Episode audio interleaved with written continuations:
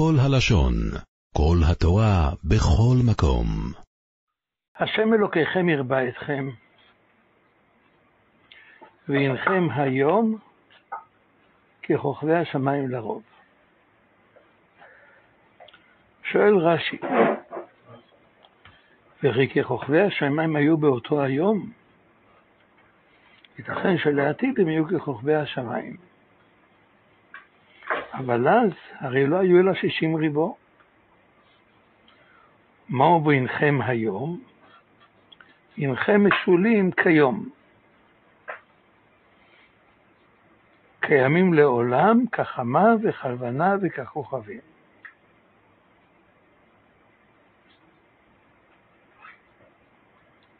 כותב רבינו אליהו מזרחי, שלפי רש"י הפסוק מתחלק לשניים. הנכם היום ככוכבי השמיים, קיימים לעד, ולעתיד לבוא תהיו ככוכבי השמיים לרוב.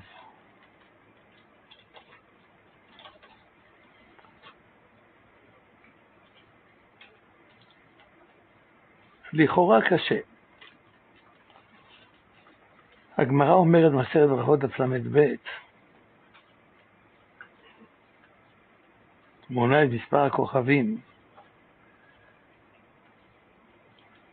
זה קצת למעלה ממיליון ו-12 אפסים אחריו.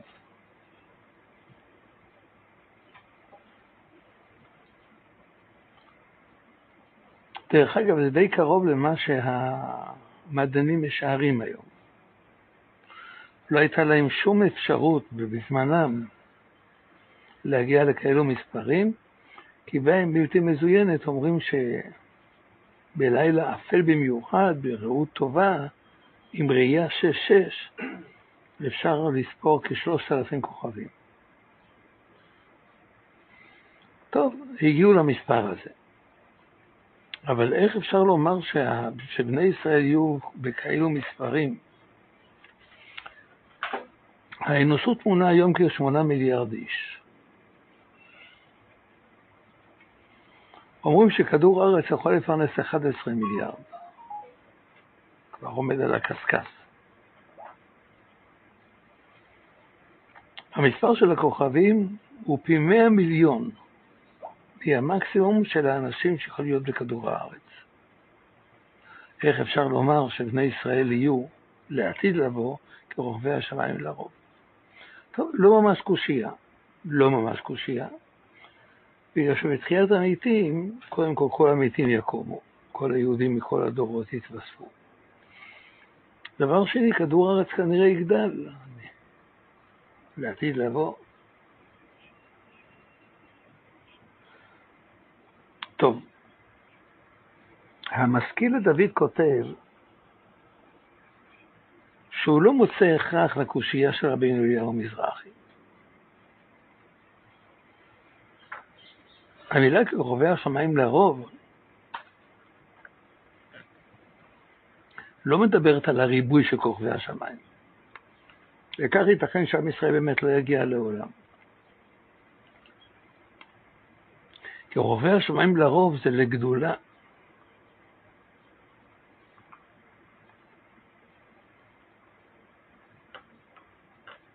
הכתוב אומר בגלילת אסתר, שהשתייה כדת אינה נס, כי כן ציווה המלך על כל רב ביתו. מה זה רב ביתו? חשוב ביתו. המן כינס את אשתו ואת אוהביו, וסיפר להם את כבוד אושרו ורוב בניו. לא סיפר להם כמה בנים יש לו, את זה היא יודעת. היא יודעת.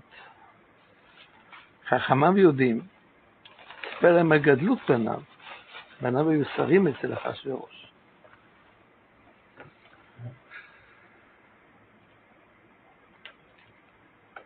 נאמר שאת שני הפירושים האלה במילה רב, כרוכבי השמיים לרוב, מצאנו במשנה במסכת אבות. הכל אחר רוב המעשה. מה זה רוב המעשה? כותב הרמב"ם כפשוטו.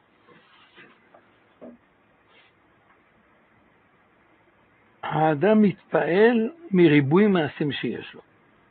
הוא אומר, אם יש לאדם לומר אלפיים שקל לכסף מעשרות, מה הוא יעשה בהם? יכול לתת אותם בבת אחת לעני נצרך או להחזקת תורה. יכול לפרוט אותם לארבעת אלפים חצאי שקלים ולתת אותם בארבעת אלפים פעמים לארבעת אלפים עניים. מה שהוא יעשה זה ההפסק שלו. ייתכן שחשוב יותר לתת אותם למקום אחד. אבל מה ישפיע עליו יותר? ישפיע עליו יותר מיעשה ארבעת אלפים מעשים. למרות שהמעשים מעשים קטנים, לתת חצי שקל. ריבוי המעשה פועל על האדם. התורה למעשה התחשבה בזה וציוותה על זה. נצטווינו לקרוא קריאת שמע פעמיים ביום, בוקר וערב. קריאת שמע זה למעשה כל יסודות היהדות, רוב יסודות היהדות. יש שם אחדות השם, יש שם שליטת הקדוש ברוך הוא, יש שם קבלת עול מלכות שמיים, קבלת עול מצוות. נצטווינו לחזור על זה שוב ושוב, בוקר וערב, בוקר וערב, בוקר וערב, בוקר וערב, יצחירת יציאת מצרים בוקר וערב.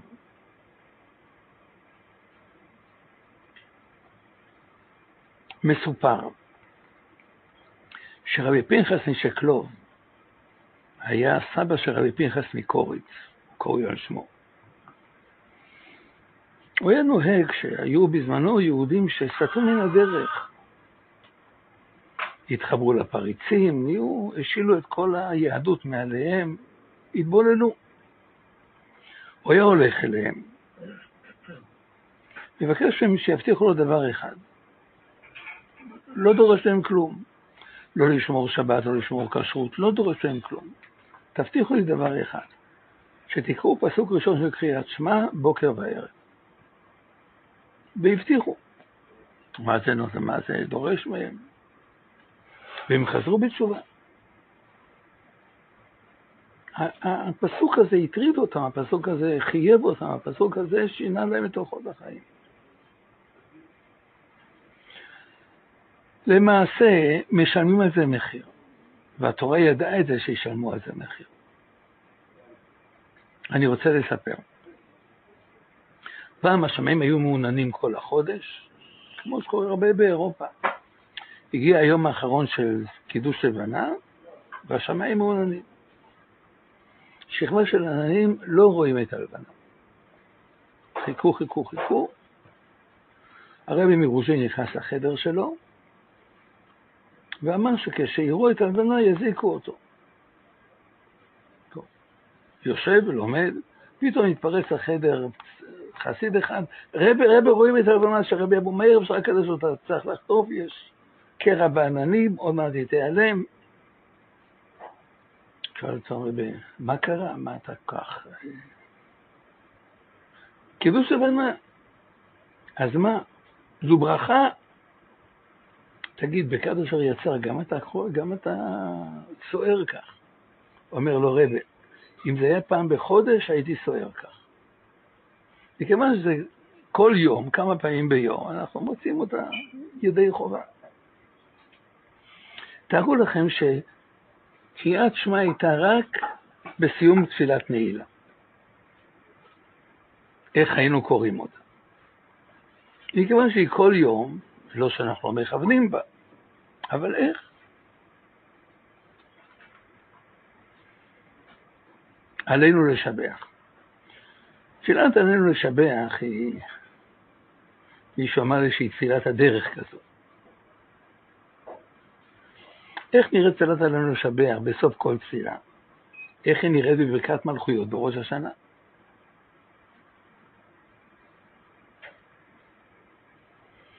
איך שירת הים נראית בכל יום? איך שירת הים נראית בשביעי של פסח?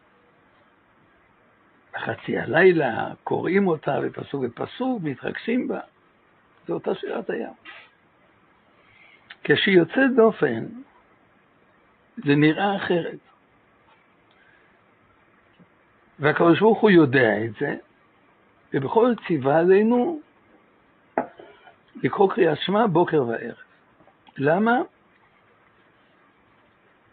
ייתכן דווקא משום כך. אני רוצה לומר, יש את המשל הידוע של רבי עקיבא. מה הייתה תחילתו של רבי עקיבא, שואל המדרש? אומר המדרש, הוא הלך אחרי הצאן, שם לב שיש אבן מחוררת. שאל, מה חורר את האבן? אמרו לו, עקיבא היא, אתה יודע? אבנים שחקו מים. נוזרו טיפות מים על האבן, שוחקות אותה. אמר, מיד נסק על החומר בעצמו, אם המים הרכים שוחקים את האבן הקשה. דברי תורה אינו דין שיחקקו את ליבי, מיד חזר ללמוד תורה. אומר בסרוי סלנטר, שמשהו מדברי המדרש, שהוא כבר הלך ללמוד תורה. הוא הבטיח לאשתו שהוא ילמד תורה, הלך ללמוד תורה והתגרש. הוא לא רואה שהוא משתנה. הוא ראה את, האבנים שנחרצות על ידי הזרזות של המים, חזר ללמוד תורה. לא יש... מה שלא השתניתי עד עכשיו זה לא אומר שאני לא אשתנה גם הלאה. זה, זה בסוף זה יפעל. היה סיפור, סיפור ידוע. אברך נסע ב-54, היום זה קו מיתולוגי, לא נמצא היום. כך שמעתי. נסע לקו 54 מתל אביב, היה לו מסגורה ביד, עיין בו, התיישב לידו בחור חילוני, טלטלים, נזמים. מסתכל בספר הזה, שואל אותו מה זה. ספר מוזר, ספר יש תיבות תיבות, למעלה, למטה, בכתבים שונים, מה זה? מה הוא, מה הוא יגיד לו? כאילו יספר לו על החופץ חיים שחיבר את הספר הזה. מה זה הספר הזה? יש לנו שולחן ערוך, יש תוספות לשולחן ערוך, יש נושאי כלים של השולחן ערוך, כמה משבורו ותמצת אותם ועשה משהו להלכה, אבל הוא לא רצה לפגוע בחיבורים העיקריים הקודמים, קבע גם אותם למעלה, שערי תשובה, באר היטב, סיפר, סיפר, סיפר, פתאום הבחור החילוני קם, כאן נצטרך לרדת. תודה רבה, היה מעניין מאוד. קם, יורד. הבחור נשאר בי עם אה, הרגשה לא טובה. מה עשיתי? עשרים דקות מהחיים שלי בזבזתי, במקום ללמוד קצת משבורי. שוחחתי עם מישהו שאני לא, לא ראיתי אותו לפני זה, לא אראה אותו אחרי זה.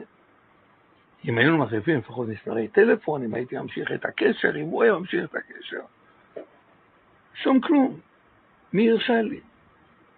הוא כבר לא ירד בתחנה שלו, המשיך עד רחוב רשב"ם, ירד בפינת נחמיה, הלך לסייפלר.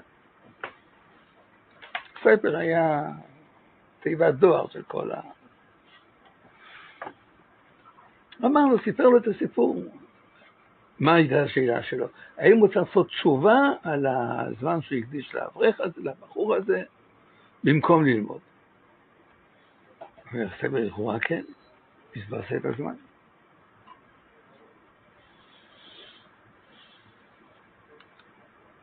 אומר הסייפר כך, אתה יודע מה?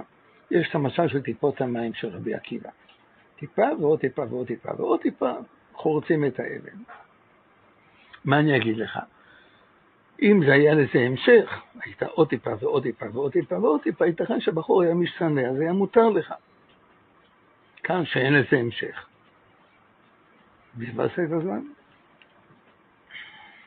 אבל אומר הסייפר, אתה יודע מה? ייתכן שלא. למה לא? אם נאמר שהשיחה הראשונה אין לה שום, שום השפעה, כמה טיפות צריכים כדי לאכות את האבן? מיליון טיפות. אז הטיפה הראשונה אין לה שום השפעה.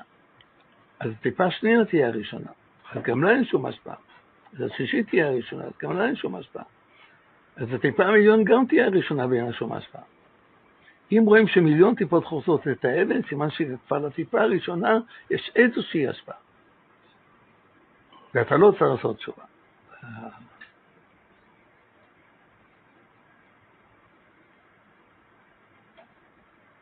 אחד מהתלמידים של השר המקלם שיגר לו מכתב, מכתב תודה על השיחות שהוא שומע מהרב, שיחות המוסר, שיחות ההדרכה.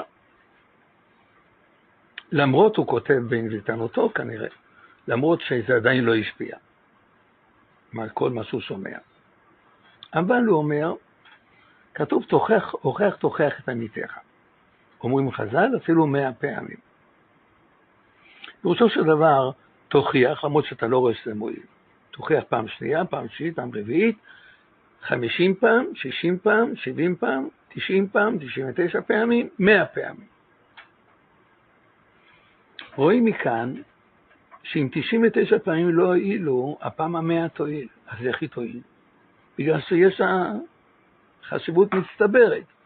סימן שגם הפעמים שיוד... שרואים שזה עוד לא הועיל, זה בדרך להועיל. לכן הוא מודה לשר המקלם על השיחות שלו, אמנם אני לא רואה שזה השפיע, אבל כנראה באיזשהו מקום זה כן השפיע.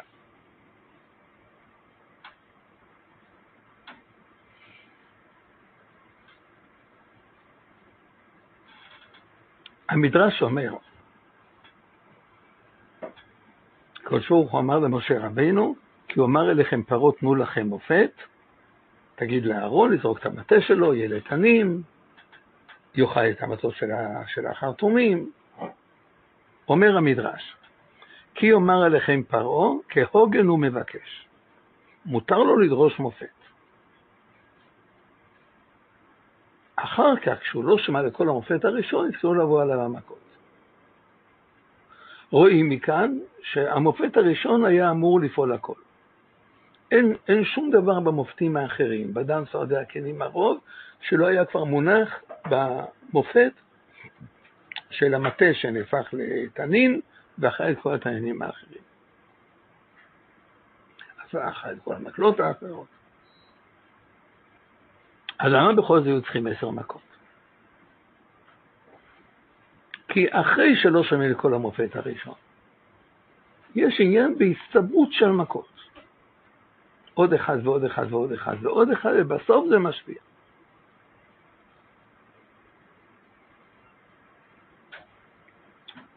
כך אומרים רבותינו, זה מה שמונח בדיינו שבהגדה של פסח.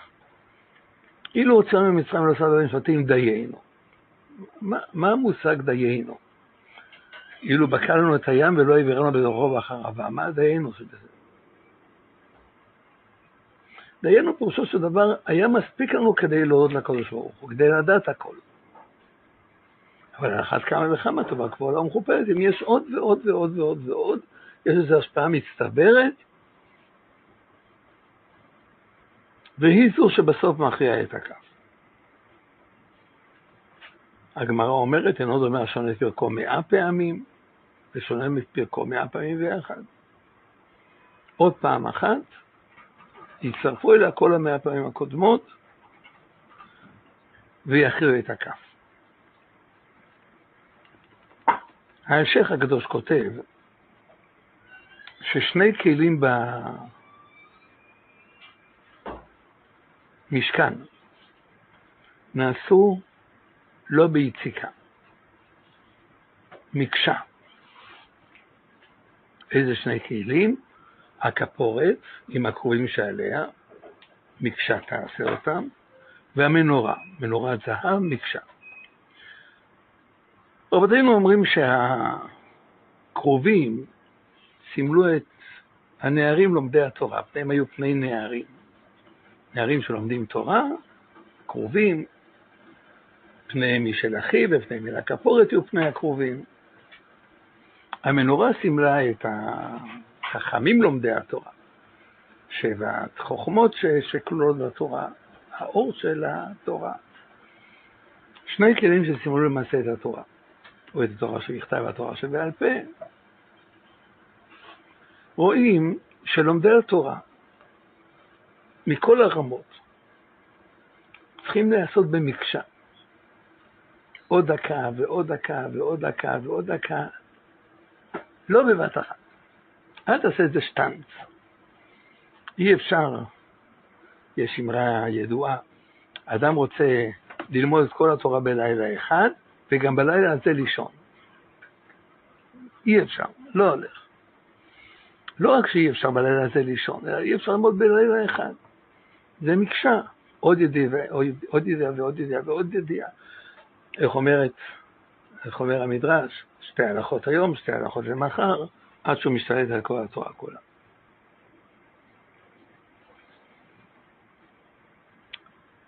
יותר מזה, במדרש, וכאן אנחנו מגיעים לעניינה דיומא, במדרש כתוב כך: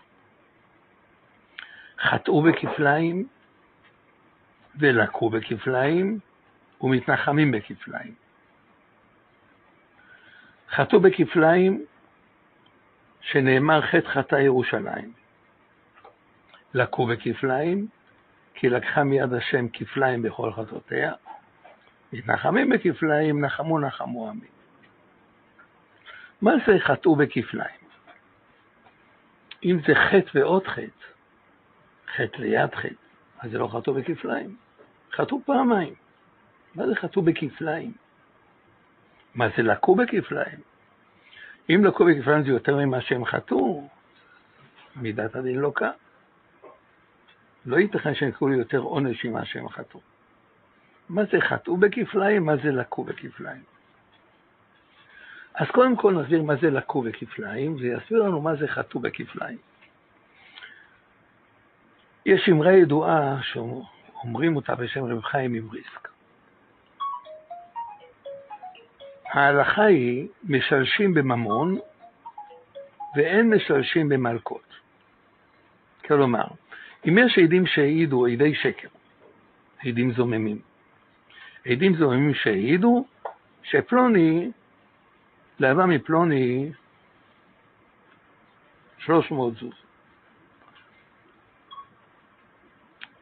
אם חייבים לשלם, ועשיתם לו כאשר זמם לעשות לאחיו, מחלקים ביניהם את הסכום. שני עדים, כל אחד ישלם 150.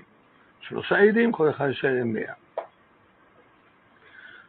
משלשים, מחלקים ביניהם בממון, אבל לא מחלקים ביניהם במלקות. אם הם העידו שהוא בן גרושה או בן חלוצה, כל אחד מקבל בעצמו את ה-39 מלקות. שואל בכם בריס למה? למה שלא נחלק בהם את המכות? אומר שמכות אי אפשר לחלק. למה? כסף זה אותו שקל, ראשון ואחרון. מכות, כל מכה נוספת כואבת יותר. אז איך אתה יכול לחלק בהם את המכות? זה נקרא לקו בכפליים.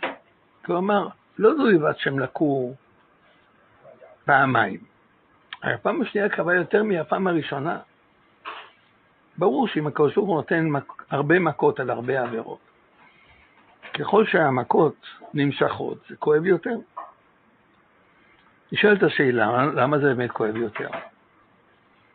אם חטאתי פעם ועוד פעם ועוד פעם, למה נותנים מכות שכואבות יותר ויותר ויותר? התשובה היא, בגלל שגם כאשר חטאתי פעם ועוד פעם ועוד פעם, זה נהיה יותר ויותר עמוק. ואני רוצה להסביר.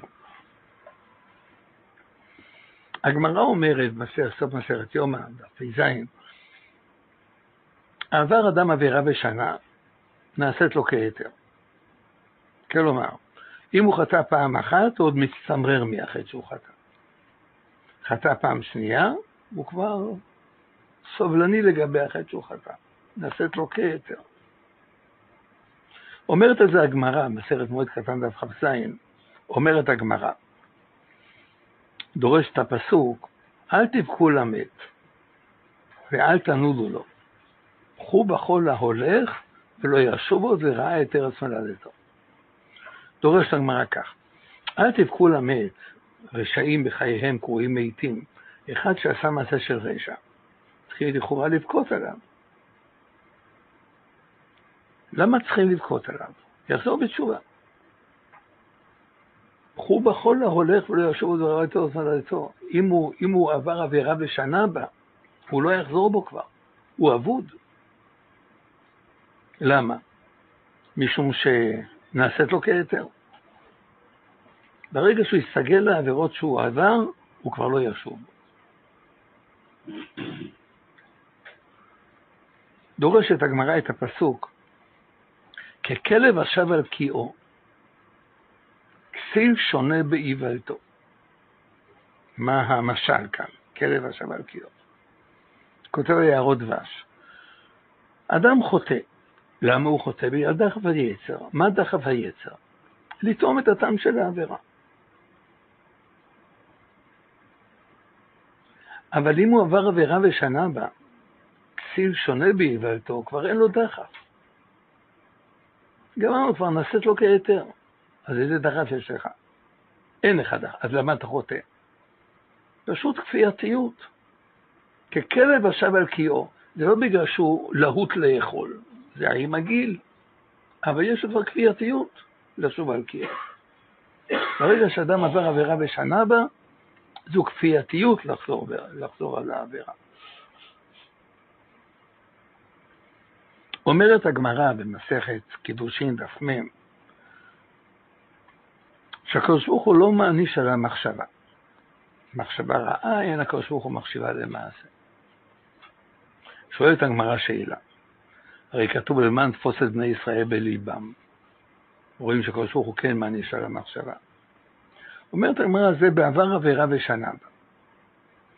אם הוא עבר עבירה פעמיים, הקדוש ברוך הוא מחשיב לו כבר, ואחר כך חושב לעבור את העבירה פעם שלישית, זה כבר נחשב לו כאילו הוא עבר אותה.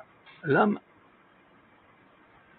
אומר המרא מפרק כך, למה הקדוש ברוך הוא באמת לא מחשיב את העבירה, את המחשבה כעבירה? ויותר, יותר מזה, תוספות מביאים שם, דף ל"ט עמוד ב', תוספות מביאים את דברי הירושלמי, תחילת מסכת פאה, שירושלמי אומר שבעובדי כוכבים בגויים המצב הפוך. מחשבה טובה, הקדוש ברוך הוא לא מחשיב כמעשה, מחשבה רעה הוא כן מחשיב כמעשה. שואל מרן מפראג, וכי בסוף האם יש בדבר? למה לגויים הוא מחשיב מחשבה רעה כמעשה, ליהודים הוא מחשיב מחשבה טובה כמעשה? אומר המרן מפראג, זה לא משוא פנים, זו המציאות. יהודי חזקתו שלא רוצה לעבור עבירה. עד כדי כך, הרמב"ם הידוע, שמי שהדין נותן שיגרש את אשתו ולא רצה, בדין מכים אותו עד שיגרש, וזה לא נקרא גט כפוי, בגלל שחזקתו של יהודי שהוא רוצה לקיים מצוות ולא רוצה לעבור עבירות. ואם הדין נותן שהוא יגרש, כיוון שהוא הוכה עד שתשש כוח יצרו, כבר גירש לרצונו. יהודי רוצה לקיים מצוות, הגמרא במסכת ברכות דף י"ז, גלוי וידוע לפניך שרצוננו לעשות רצונך. מימי הכפסור שבעיסה, אבל אנחנו רוצים לקיים מצוות, לא רוצים לעבור עבירות. לכן אצל יהודי, קדוש ברוך הוא מחשיב מחשבה טובה כמעשה, כי חזקתו שהוא רוצה לממש אותה.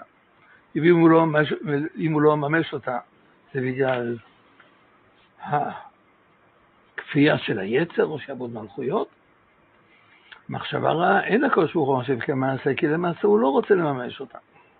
זו מחשבה שנובעת בו כתוצאה מהיצר הרע, הוא מתנגד אליה. חזקתו שלא יעבור אותה עד שהוא יעבור אותה. אצל הגויים אבל זה הפוך. אצל הגויים מחשבה רעה חזקתם שהם רוצים לעשות, מחשבה טובה חזקתם שהם לא רוצים לעשות. עד שהם לא יעשו זה לא מוחשב להם. עד כאן דברי המערה מפראג. ממילא, כשאדם עבר עבירה בשנה בה, נעשית לו כהיתר, למה שלא יעשה אותה? הוא מחשיב מחשבה רעה כמעשה. עד כדי כך שרבינו יינה כותב במשלי פרק א' פסוק ג'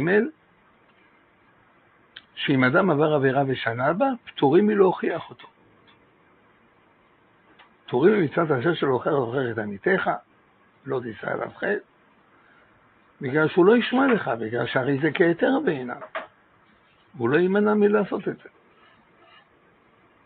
טוב, אז אם כך, אם כך אנחנו מתייחסים למי שעבר עבירה בשנה. איך להתייחס למי שעבר עליה פעם שלישית? הגמרא אומרת במסכת סוכה דף מ"ב עמוד ב' על פסוק במשל כבשת הרש. ויהי היום, ויבוא הילך אל האיש העשיר, והוא לקח את כבשת הרש לעשות לאורח לאכול, ונתן לאיש הבא אליו לאכול. אומרת הגמרא שההלך הזה משנה את ההגדרה שלו שלוש פעמים באותו פסוק. אומרת הגמרא, יצרה תחילתו הלך, לבסוף אורח ולבסוף איש. בסוף הוא נהיה בעל הבית. אם הוא עבר פעם ראשונה זה הלך, הוא מרגיש שהוא הכניס אורח הביתה. פעם שנייה הוא כבר אורח, פעם שלישית הוא נהיה בעל הבית. רבי צלב לזר מזכיר גמרא במסכת קידושין דף פ"א, לומד ממנה המון דברים, אבל ענייננו לומד ממנה את העניין הבא. פליימו היה רגיל כל יום לומר גירה בעיניך השטן. מתגרה בשטן, לא פוחד ממך, לא נשא חן בעיני השטן, החליט להראות לו מי, מי יכול לגבור על מי. הוא התחזה לעני בערב יום הכיפורים. דפק על הדלת, פתחו לו, מבקש לאכול. הוציאו לו לחם. אמר, ביום כזה כולם אוכלים בבית ואני אוכל בחוץ? הכניס אותו הביתה. אמר, ביום כזה כולם אוכלים ליד השולחן ואני אוכל בצד? הושיב אותו ליד השולחן. הוא המיס על כולם את האוכל עד, ש, עד שפליימו גער בו, ואז הוא התחזק כמת, יצא כל פליימו הרג את הנפש, ופליימו ברח מהבית.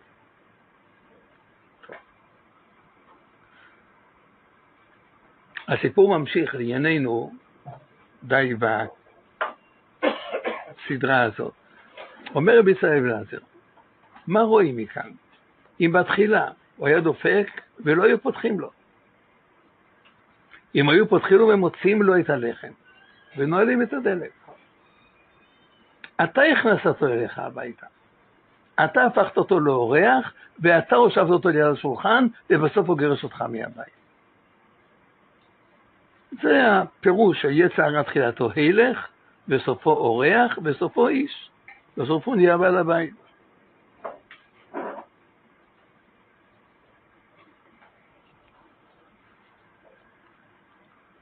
והלאה.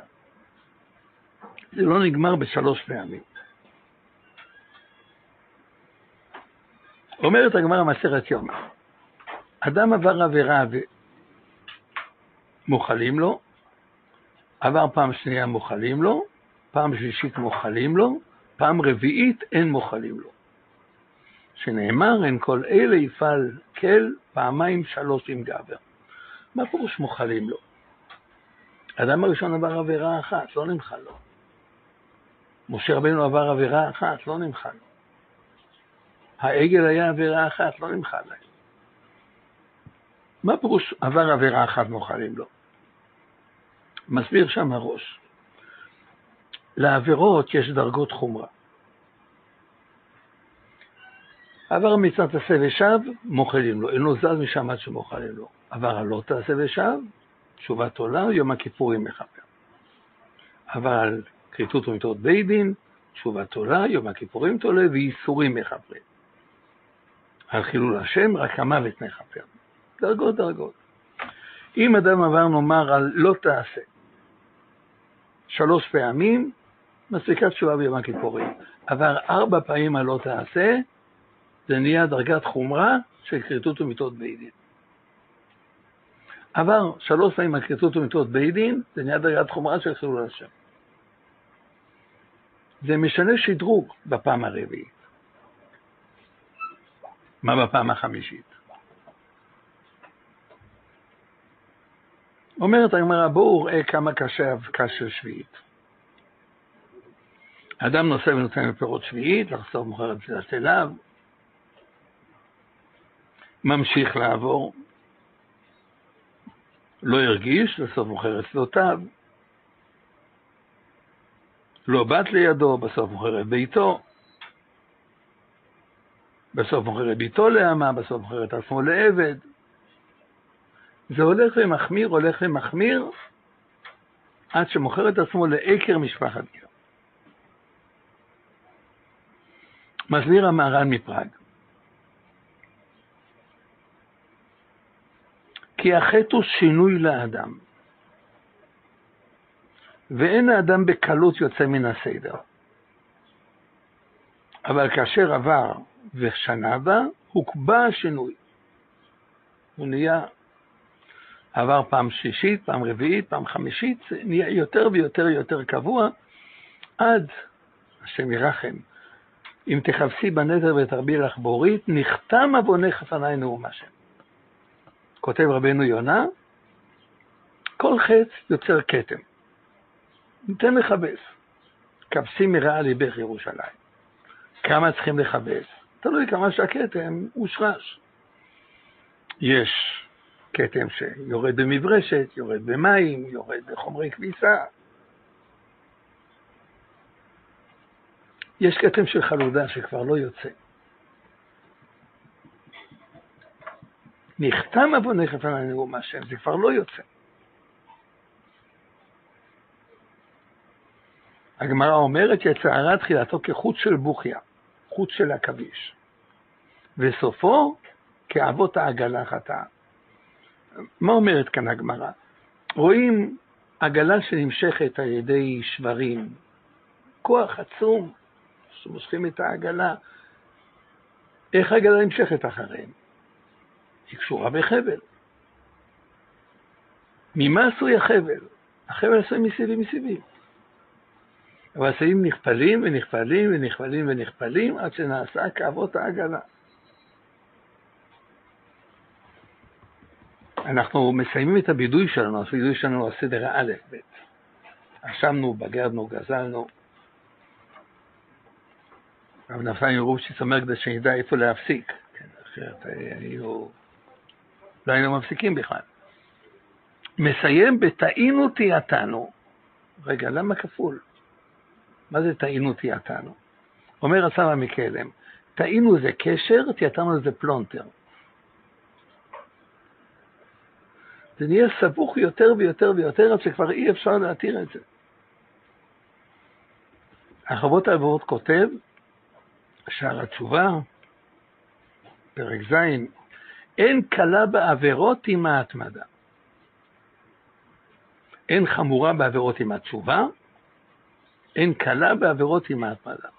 קח את העבירה הכי קלה, תתמיד בה ותתמיד בה ותתמיד בה, היא תיעשה כאבות העגלה. ושוב, נחזור ל... לימים שלנו. הגמרא אומרת, בסרט יום הדף ט', עמוד ב', בית ראשון מימי אחריו. שהיו בו עבודה זרה, גילוי עריות, שפיכות דמים, נורא ואיום. ייהרג ואל יעבור. אבל בית שני, שהיו בו תורה ועבודה וגמילות חסדים ונאמר אחריו, אומרת הגמרא בני שנאת חינם. ללמדך ששקולה שנאת חינם כנגד עבודה זרה, עריות, שפיכות דמים. אני רוצה לשאול, האם על שנאת חינם יש ייהרג ואל יעבור? מה זה שקולה שנאת חינם כנגד? הרי, ככלות הכל זה מצווה קלה. לאו שאין בו מעשה. אומר רב חיים ויטל, נכון זו מצווה קלה, אבל כמה עוברים עליה, כמה פעמים עוברים עליה? כמה אדם יכול לעבוד עבודה זרה? כמה אדם יכול לעשות גילוי עריות? כמה, כמה אדם יהרוג? אבל שנאת חינם יכול לשנוא את כל עם ישראל בכל רגע ורגע, והעבירה תהיה מוכפלת ומוכפלת ומוכפלת.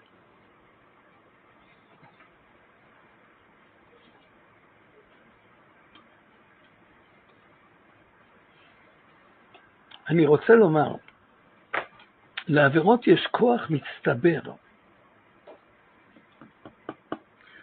הגמרא אומרת, הדברים ידועים, רש"י כותב, הקדוש ברוך הוא הפך את הרי סדום, הציל את לוט. לוט ביקש מהמלאכים, שחררו את צוהר.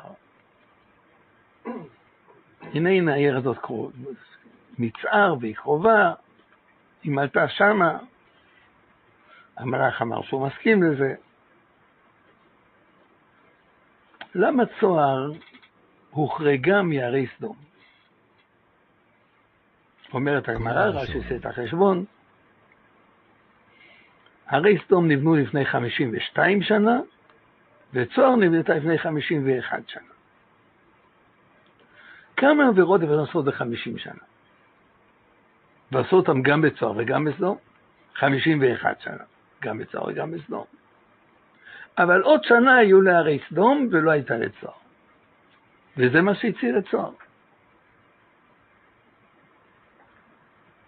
הקדוש ברוך הוא אמר לאברהם אבינו, אני לא אתן לך את ארץ ישראל מיד, דור רביעי ישובו הנה, כי לא שלם עוון האמורי עד הנה.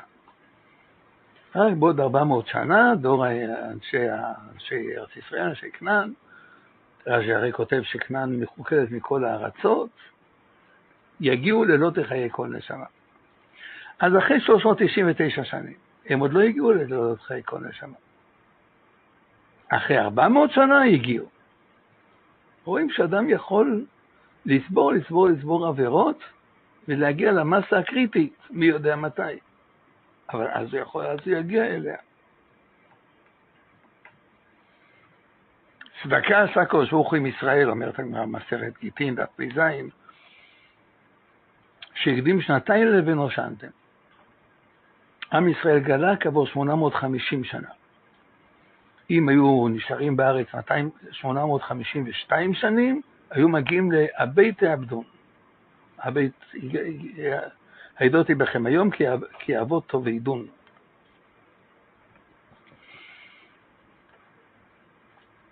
ושנתיים קודם, כמה עבירות יש ב-850 שנה.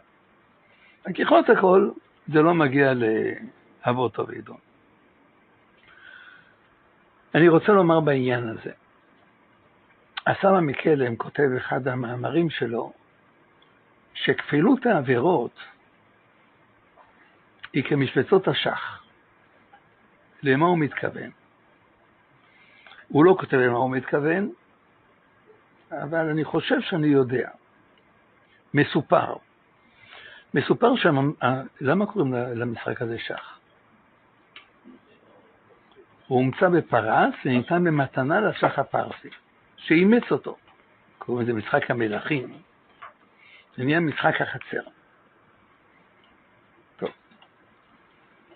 השח הפרסי לא רצה להיות אה, אסיר תודה, הוא קרא לממציא, מה אתה רוצה בשביל המשחק הזה? רוצה לשלם לך. תמלוגים, מה אתה רוצה? אמרתי, אין לי, ראש קטן הוא אמר, אני מבקש. בלוח של השח יש 64 משבצות. שים למשבצת הראשונה גרגר תבואה אחד. למשבצת השנייה לשים שני גרגרי תבואה, ותכפיל 4, 16, 64 משבצות, זה יהיה שכרי. זה הכל. תבקש שר, עשיר מופלג. אדוני המלך זה מספיק. טוב, הוא קרא לשר החקלאות, תכין לו כמה שקים. משבצת הראשונה אחד, שנייה שתיים, ארבע, שש עשרה. טוב, שר החקלאות חזר אל השח הפרסי כעבור שבועיים.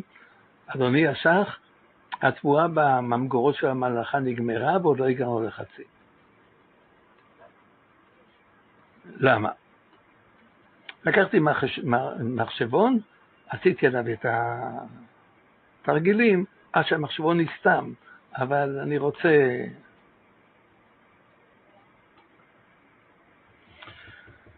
במשבצת החמישית היו בסך הכל 258 גרגרים. בשישית היו 65 וחצי אלף. בשביעית היו 4,300 מיליון. בשמינית 18 וחצי מיליארד. בתשיעית 342 מיליארד ו-250 מיליון. בעשירית 17 פלוס מיליארד. לא, 117 פלוס מיליארד. ב-11 מיליארד מיליארדים ושלוש מיליארד. ב-12 324 אפסים. ב-13 105 אלף אפסים. ב-14 11 אלף אפסים, ב-15 121 מיליון אפסים.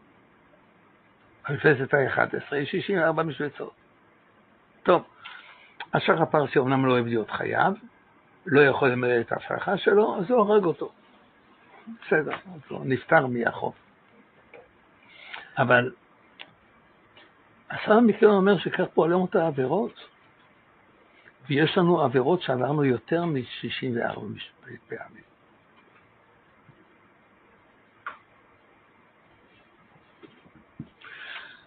זה הכל אחר רוב המעשה. ככל שתעבור יותר את המעשה, חטאו בכפליים. זה יעמיק יותר, יעמיק יותר ויעמיק יותר, עד שזה ישתרש בך לרעה ולטובה. תן צדקה פעם אחת, תן פעמיים, תן שלוש, תן שישים וארבע פעמים צדקה. אבל הרמב"ם מפרש, הכל אחר רוב המעשה, חשיבות המעשה. לא הרמב"ם, הרמב"ם אומר רוב המעשה. היעבץ מפרש, ריבוי המעשה. חשיבותו. אני מבקש לחזור למשל של רבי עקיבא. רבי עקיבא אמר, טיפה אחרי טיפה חורצת בסלע, במשך שנתיים, הסלע יחרץ. מה יהיה אם תיתן זריקה של טיפות? לא סתם זריקה של טיפות, אלא זריקה של חומצה. יאכל הרבה יותר מהר. אז הכל לך, רוב המעשה, תעשה מעשים חשובים, יחרטו בך כפליים.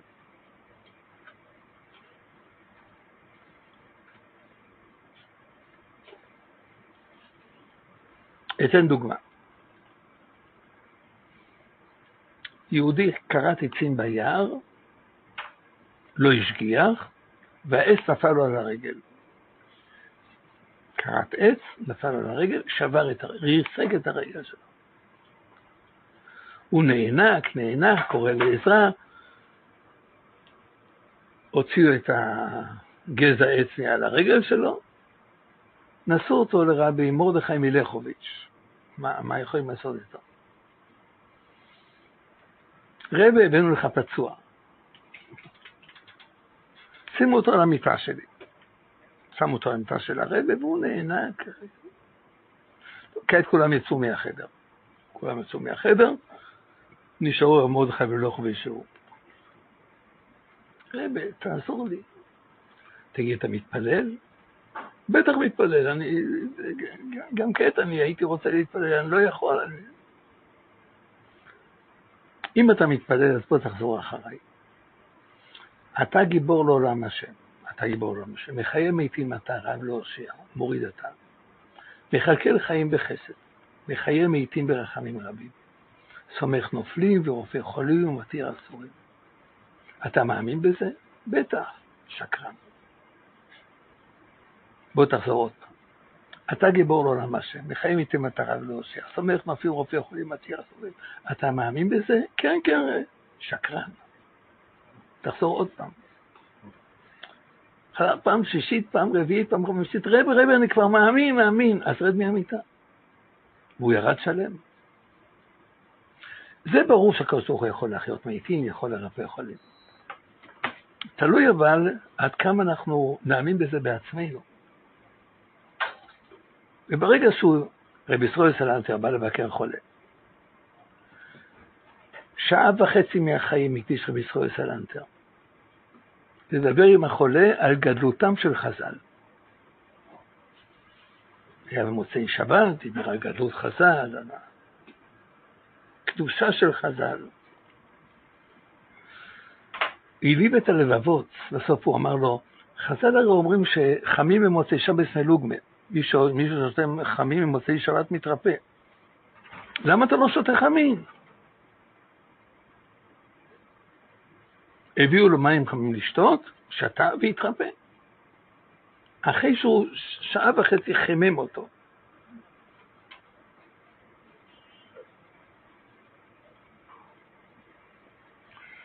טוב, זה נכון לגבי מצווה. כשהם מאמינים בה, כשהם מקיימים אותה בלהט. נכון לגבי עבירה כשהם מקיימים אותה בלהט. אמרנו שהעבירה חורטת את רישומה. העבירה בלהט, כפל כפליים.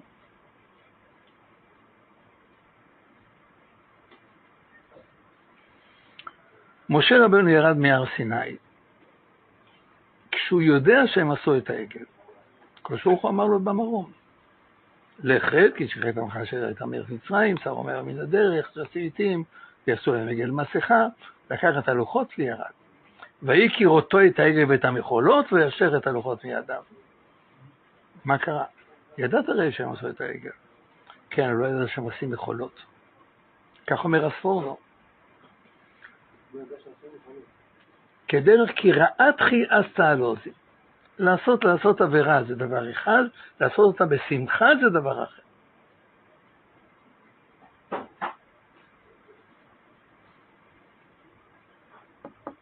רבי צלם בלזר מביא את הרעיון הידוע של ישראל סלנטר, שככל שהדחף לעבירה גדול יותר, אז התביעה פחותה. אם אדם עושה דבר בלי, בלי דחף, הוא נתבע כפליים. למה עשית? למה עשיתי? כי היה לי דחף. יש, יש התחשבות בזה במרום. שואל בצלאל בלזר, אז למה נתבעים כל כך על, על גילוי עריות? יש הרי דחף עצום. הוא עונה, אמנם יש דחף, אבל יש גם התלהבות. וההתלהבות גורמת לכך שלמרות הדחף ייענשו בכל החומרה, כי זה חורז את הרישום שלו כפל כפליים. ידוע, סיפרתי פעם, נספר שוב, בפתח תקווה החליטו לקיים משחק כדורגל בשבת, פעם ראשונה. טוב, אז כן, המושבה הייתה יחסית דתית, הייתה פרצה גדולה. דתיים ניסו את, חרדים ניסו את פתח תקווה. אז הם יצאו להגן על חופש, ה... חופש חילול השבת, ואלה יצאו להגן על השבת. טוב, אמרו בישיבת לום שהשבת לא יתקיימו צבאות בישיבה, כל התלמידים יתפזרו בכל בתי הכנסת, ילהיבו את הלבבות, שעה חמש אמור להיות המשחק, בארבע יצאו וימנעו את המשחק. רב זלמן דרורי יצא בחלקו להיות בבית כנסת סמוך לישיבה. טוב, התפלל שם בשבת, לפני קריאת התורה הוא קם לדרוש, היה לו חושר בעיניים. המשגיח, רבי לדושניצר, גם הוא התפלל שם, הרי הם מיד בישיבה, התפלל בית הכנסת. הוא ידרוש לפני המשגיח, אין ברירה. אמרו לו לדרוש. אז הוא דרש. אמר כך, יעקב אבינו שלח שליחים אל לבן, עם לבן אל אה, עשיו, עם לבן גרתי ואיחר הדתה. כותב רש"י, גרתי זה בגמרת התרי"ג, עם לבן גרתי ותרי"ג מצוות שאמרתי ולא למדתי ממעשיו הרעים.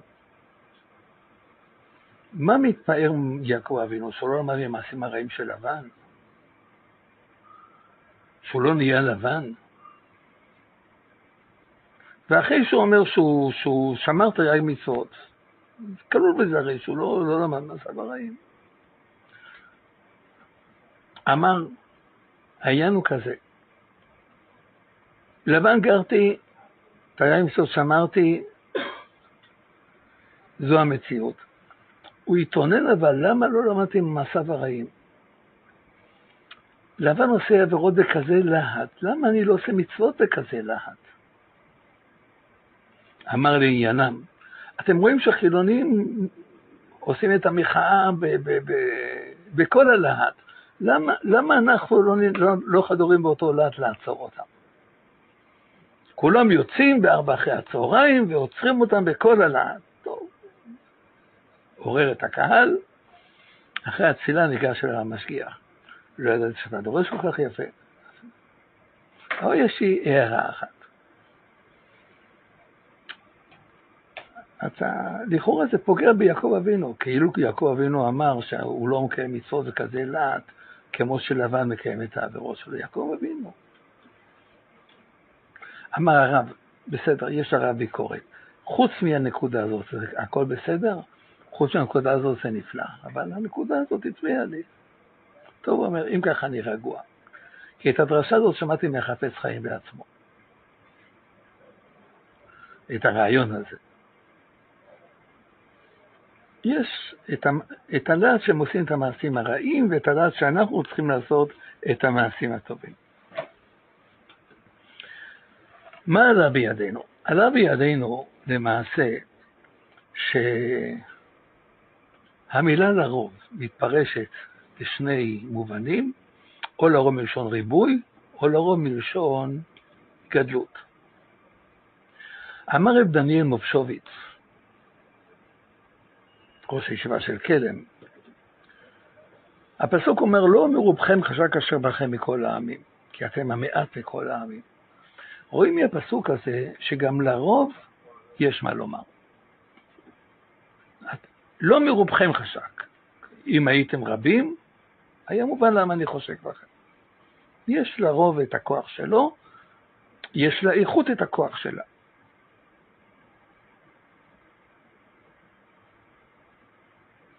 אז זה מה שאומר הקדוש ברוך הוא, אתם היום כרחובי השמיים לרוב, או שתהיו רבים, או שתהיו חשובים. כך או כך. אני רוצה לומר שזה מה שאיבדנו בחורבן בית המקדש. בזמן בית המקדש הייתה שורה קדושה על העם. כל יהודי ויהודי יכול להגיע למיצוי שלו. זה נושא ארוך מאוד, ככה זה. בית המקדש חרב בעוונותינו. לא יכולים כבר להגיע למיצוי שלנו. מה נשאר לנו? נשאר לנו הריבוי. אם אין לנו את הרוב האיכותי, יש לנו לפחות את הרוב הכמותי. זה מה שרבי ישראל סלנטר אמר, שאדם צריך לראות שהוא יהיה אדם שהרבים צריכים לו, שהוא יהיה בכלל הרוב. אם הוא יהיה בכלל הרוב, אז הקדוש ברוך הוא, לא מרובכם, גם לרוב יש מה לומר. אומר רב חיים מוולוזין על המשנה, אל תהיה רשע בפני עצמך. מה זה אל תהיה רשע בפני עצמך?